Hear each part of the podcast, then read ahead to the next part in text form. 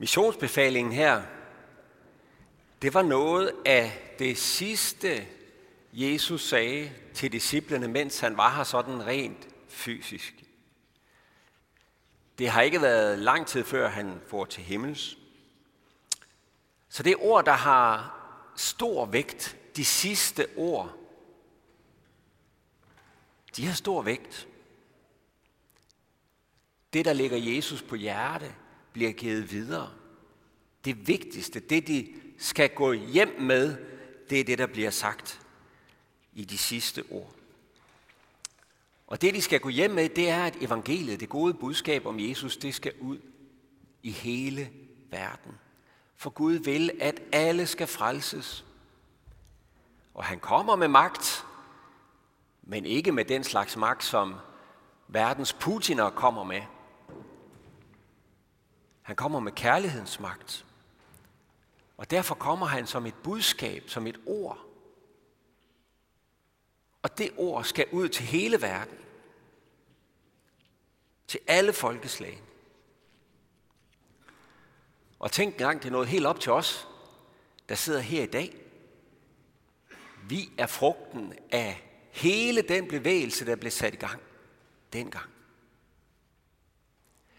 Men hvis vi nu stiller os sammen med de 11, der stod der ved bjerget i Galilea, så er det noget en mundfuld af en besked at få. Gå ud og gør alle folkeslagene til mine disciple. Der stod 11 mand. 11 mand. Det er noget en mundfuld. Det er også noget en mundfuld, når vi hører det i dag. Os, der sidder her, vi er lidt flere end 11 mand, men alligevel, når vi forstår, at det også gælder os, I skal også bære evangeliet ud. Jer, der sidder her, jer, der hører det nu, det er også jeres opgave. For det er stadigvæk kirkens mission. Det er stadigvæk vores mission. Det er din og min mission at være Kristi krop, der bærer Kristi kærlighed videre ud i verden. Vi har det med at høre det som noget meget tungt, det her med missionsbefaling. Noget vanskeligt, noget helt uoverkommeligt. Ah, det må da være for de særligt kvalificerede, det der med at bringe evangeliet ud til andre. Det er vist ikke, det er ikke min dør, det her stopper ved og banker på. Det må være andres kald. Det må være for de særligt overbeviste og særligt troende. Dem findes der jo nogen af. Men jeg duer ikke til det der. Jeg har heller ikke de der store åndelige erfaringer, som nogen måske nok går og har og sådan noget. Og jeg er så dårlig til den slags. Jeg ved ikke, hvordan man gør, og jeg ved ikke, hvad jeg skal sige. Det ser så helt umuligt ud. Det kan da ikke være noget, jeg skal være med i. Totalt umuligt. Ja, det ser umuligt ud. Det er umuligt. Det er en mission impossible. Helt bogstaveligt. En umulig mission. Og det var det også dengang for de 11. Det må have set fuldstændig umuligt ud. Den opstandende Jesus stod der ved, ved bjerget der, og han var der, og så siger han, nu, nu skal I så gå ud. Nu skal I være min krop i verden. Nu skal hele jorden nås.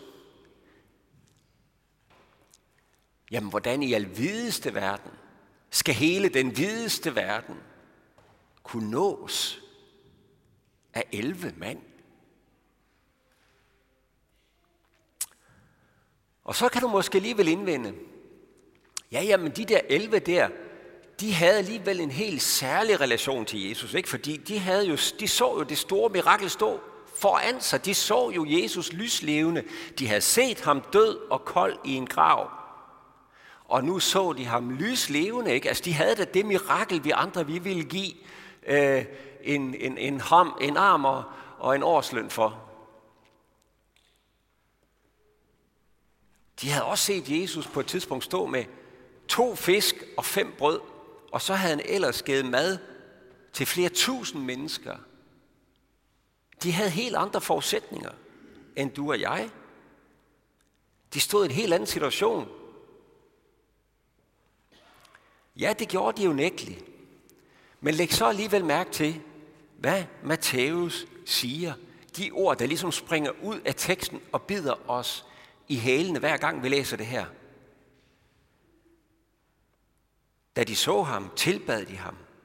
Men nogle tvivlede. Det er da alligevel vildt. Jesus står lys levende foran dem. De har det ultimative mirakel stående lige foran dem. Alligevel var der nogle, der tvivlede. Og det, jeg gerne vil have, at du skal lægge mærke til nu, det er det, der så ikke følger af den konstatering. Det, der ikke følger, det er det, vi godt kunne have forestillet os, nu ville ske. De tilbad ham, men der var nogle, der tvivlede. Så kunne man have troet, at nu ville Jesus så begynde at sortere dem fra, dem der tvivlede. Sådan, duer, duer ikke, troende, ikke troende,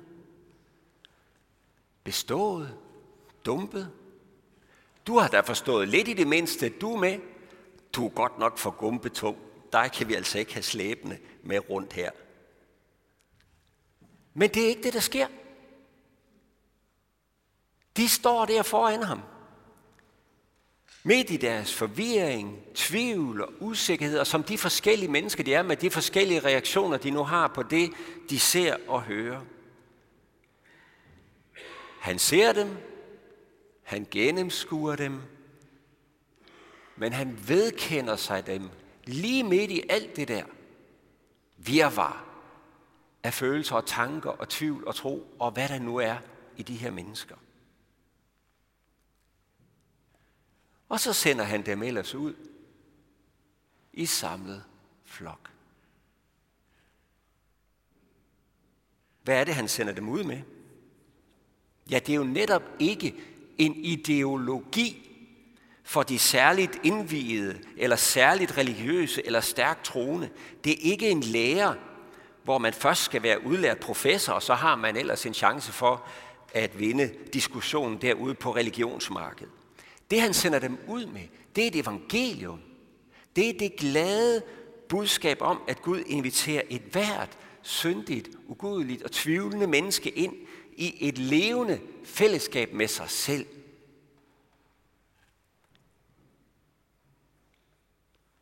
Han sender dem ud med et budskab om, at det netop gælder enhver.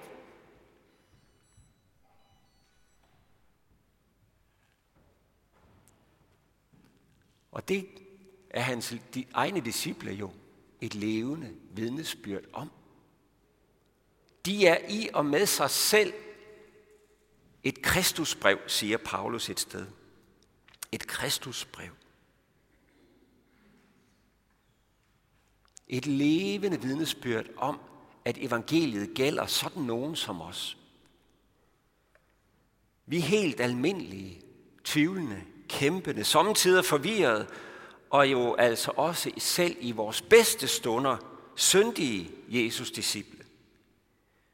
Vi er netop som sådan et kristusbrev til vores næste, som endnu ikke måtte kende ham. Et brev fra Jesus om, at når sådan nogen som Jan er inviteret med ind i Guds rige, sådan nogen som os, hold da op, jamen så kan det da også godt være, at der er plads til mig. Så kan det være, at jeg også kan være med. Det er evangeliet. Og det er en umulig mission, vi er sendt på. Det er det. Hvis det var vores egne evner, det afhang af at skulle overbevise mennesker om Kristus. Tak for kaffe, siger jeg bare. Men det er ikke os selv og vores åndelige fortræffeligheder, vi prædiker. Det vi prædiker, det er det glade budskab, vi selv lever af. At Jesus elsker syndige mennesker som os. Tvivlende mennesker som os. Hvordan skal vi så gøre folkeslag til Jesu disciple? Ja, det kan vi jo så også netop læse videre om i missionsbefalingen. Hvordan bliver et menneske en Jesu disciple? Jesus siger sådan her, ved at blive døbt og ved at lære at holde alt det, jeg har befalet. Det er de to ting. Dåb og holde Jesu befaling. Sådan øh, er øh, missionsbefalingen også netop dåbsbefalingen, som jeg sagde lige før. Vi har lige været vidne til de her to små, der blev døbt på Jesu ord. Og det betyder, at de her to små, de er blevet Jesu disciple. Og det er de blevet længe før, at de overhovedet kunne begynde at forstå, hvad troen går ud på. Det er de blevet uden overhovedet at kunne præstere noget som helst. Længe før de kunne gøre hverken fra eller til, så er de blevet udvalgt til at være Guds børn. Jesu disciple. Og derfor taler vi også om, at de er født igen. De er født igen. Genfødt til et levende håb. Dåben er en genfødsel. Og dåben har samme karaktertræk som en almindelig fødsel. De to små, der blev døbt i dag, de var ikke sådan først til en eksamen, om de nu kunne blive børn, før de blev født. De var ikke sådan til en prøveperiode, for om de nu kunne blive født, om de nu øh, er kvalificeret til det. De blev født ind i det. Og sådan er det også, når vi taler om at komme ind i Guds rige. Jesus han siger sådan her, den der ikke bliver født af vand og ånd, kan ikke komme ind i Guds rige. Det er umuligt.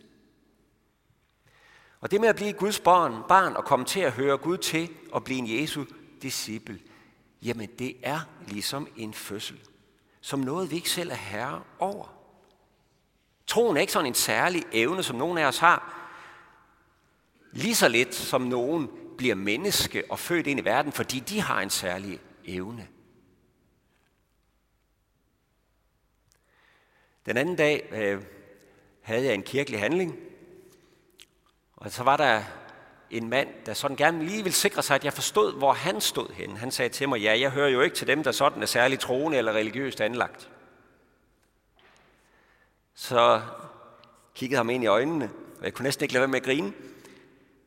Så sagde jeg til ham, ved du hvad, det skal du ikke være ked af. Det er jeg heller ikke særlig religiøst anlagt. Og det der med troen, det er der ikke nogen, der sådan bare har. Troen, det er altid noget, vi får givet. Det er altid noget, vi får udefra og kan tage imod fra bænken af. Han sagde ikke mere sådan lige der, men det kunne han heller ikke, for vi skulle i gang med, med den kirkelige handling jo. Den dag, der ved bjerget, der var Jesus ikke interesseret i at sortere i disciplene efter deres mål af tro og tvivl. Han gjorde noget andet. Han talte troen ind i dem. Han elskede tilliden til sig selv ind i dem. Han åndede den ind i dem ved sin hellige ånd, og han gjorde det igen og igen og igen. Og det fører os til den anden pind ved det at blive og være og forblive en Jesu disciple. I det I lærer dem at holde alt det, jeg har befalet jer. Hov, jamen kom der så ikke noget ind her, vi skal? Jo, det kan man godt sige. Det gør der da. Man kan også sige, der kommer noget ind her, vi får lov til.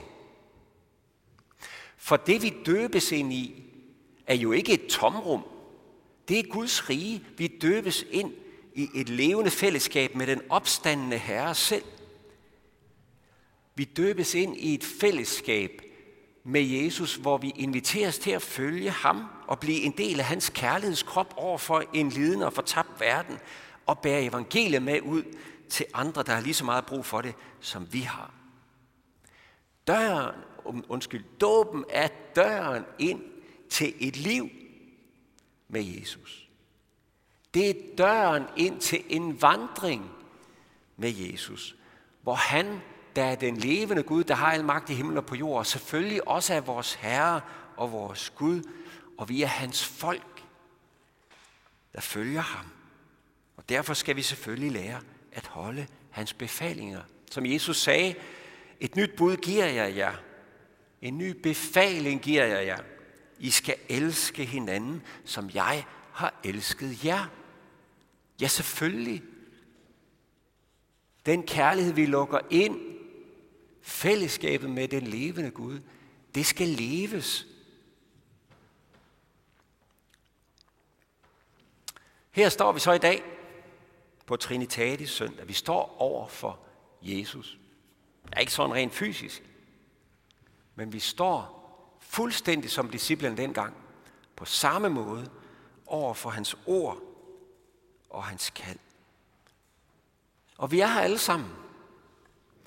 De tvivlende og de troende, de overbeviste og de tøvende, de forvirrede. Og vi er alle sammen i virkeligheden i samme båd. Vi er alle sammen i virkeligheden helt og aldeles på Herrens mark i bogstaveligste forstand. Men han ser os og vedkender sig os og kalder os til at følge ham. Uanset hvem du er, uanset hvor du er, så velkommen her, for nu at citere en sang. Kom med. Vi vil gerne have dig med. Uanset hvem du er. Lad Jesus få lov til at tale og elske troen ind i dit hjerte igen og igen. Og gå så ud som et Kristusbrev til verden, sådan som du er, elsket af Gud, der bærer hans lys med sig, for han vil have alle med. Vores vilkår, ja, de er de samme som dengang, at denne skat har vi i lærkar, for at den overvældende kraft skal være Guds og ikke vores. I alt er vi trængt, men ikke stængt inde. Vi er tvivlrådige, men ikke fortvivlede. Vi forfølges, men vi lades ikke i stikken.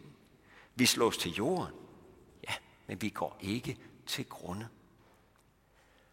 Og vel er det en umulig mission for os, men ham, der har al magt i himmel og på jord, har lovet at gå med os alle dage ind til verdens ende. Lov og tak og evig ære være dig, hvor Gud, Fader, Søn og Helligånd, du som var, er og bliver en sand treenig Gud, højlovet fra første begyndelse, nu og i al evighed.